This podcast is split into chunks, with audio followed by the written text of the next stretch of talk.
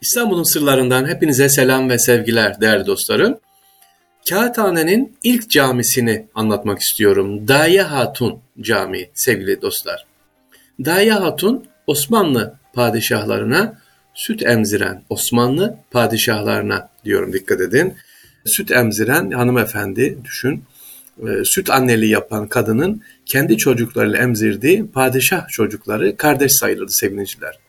Kanuni döneminde, Kanuni Sultan Süleyman döneminde sevgiliciler o dönemde Kanuni'nin çocuklarından oğlu Şehzade Mehmet'in süt annesi Daya Hatun. Sadece onun mu? Şehzade Mehmet'in süt annesi, Şehzade Cihangir'in de aynı şekilde. Yani Kanun'un çocuklarına Şehzade Selim de var işte e, Hürrem Sultan'ın e, oğlu sonra padişah olan. İşte Daye Hatun böyle. Daye demek süt emziren, süt annesi demek. Daye Hatun da Kağıthane'de bir mescit yaptırıyor sevgiliciler. Kağıthane'nin bugün gittiğimiz zaman çok güzel böyle sabah namazı gittik. Her taraf ışıl ışıl. Özellikle Kağıthane'ye gitmenizi tavsiye ederim. Bu Daye Hatun Camii'ni görün.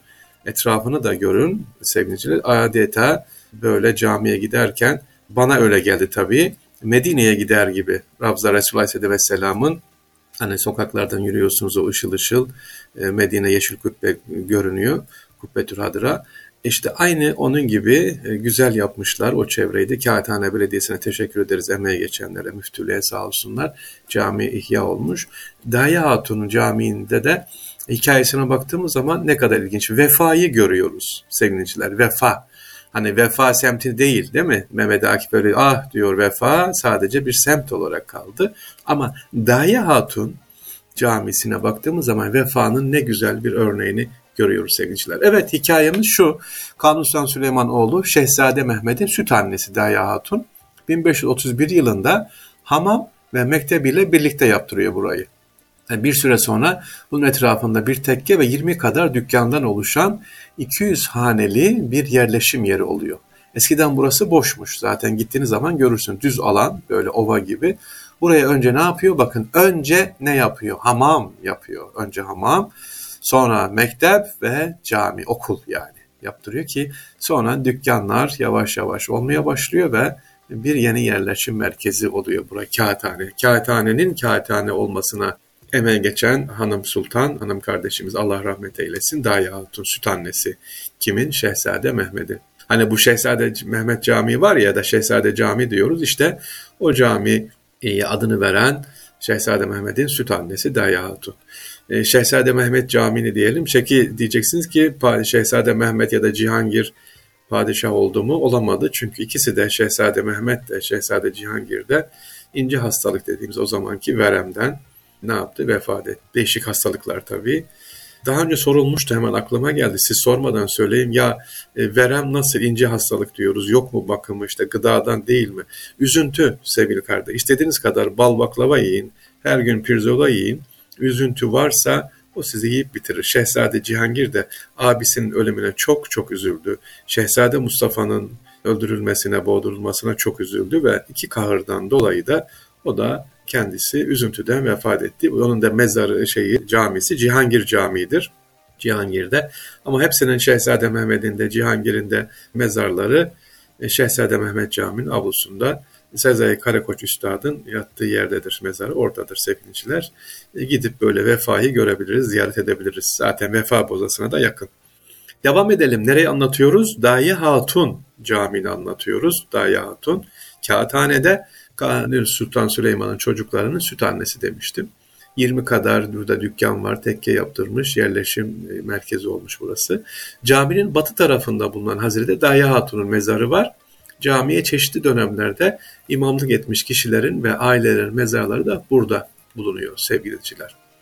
Daya Hatun Camii Kağıthane Merkez Mahallesi Sadabat Caddesi yolu üzerinde yer alıyor. Kağıthane'nin aynı zamanda ilk camisi bu. Evet ilk camisi. Bu mescidi Kanuni Süleyman dediğim gibi oğlu Mehmet'in süt annesi Daya Hatun hamam ve mektebiyle ne yapmış? Birlikte yapmış. Zamanında camiden ayrı olan minare sonraları müştemilatla kuşatılmış ve sevgiliciler farklı güzel bir cami olmuş. Tabi tekrar e, İstanbul Müftülüğü vakıflar destek vermiş yapılmış. Burada anlatmak istediğim şu.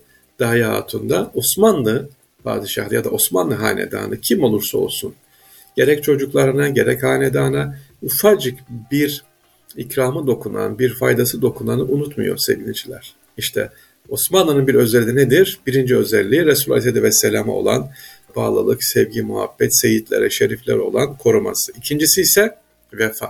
Yani kim olursa olsun bir asker olsun savaşta, seferde gelip de bir padişah merhaba deyin. Kim bu asker? Ne yaptı? Takip edin. ikramını boş çevirmeyin. Sevgiliciler hani Osmanlı vefayı çok önemsiyor. Vefa o kadar önemli. En ufak bir hayır ikramı boş çevirmiyor. Şimdi hemen aklıma da Mevlana'nın bir tesusu geldi sevgiliciler. Bir tesusu hikayesi.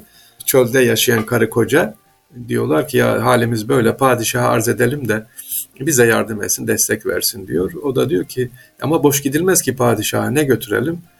Çölde ne olur? En kıymetli nedir? Su. Şu kaynak sudan diyor bir testiye dolduralım da padişah diyor kana kana içsin diyor. O sarayda nerede bulacak suyu diyor. Bu kadar güzel diyor bakın. Ve gidiyor yollardan akışıyor, çöllere geçiyor. Padişah geliyor, benim arzu halim böyledir, bu da benim hediyem diyor. Padişah alıyor, teşekkür ediyor bir testi suyu içiyor ve e, testiyi de doldurarak ikramı neyse gideriyor. Ama diyor ki giderken, bunu diyor giderken Dicle'den götürün diyor. Dicle nehrinden götürün, yani gemiyle götürün oradan gideceği yere diyor.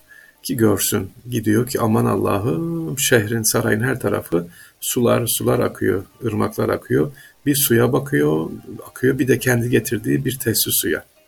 Ya işte e, Allahü Teala da e, sonsuz nimetler veriyor. Bizim ona yaptığımız bir testi su bile değil. Ha, Osmanlı padişahları da böyleydi. Kendisine bir testi su getiren değil, bir bardak su getirene sevgiliciler ne yapıyor?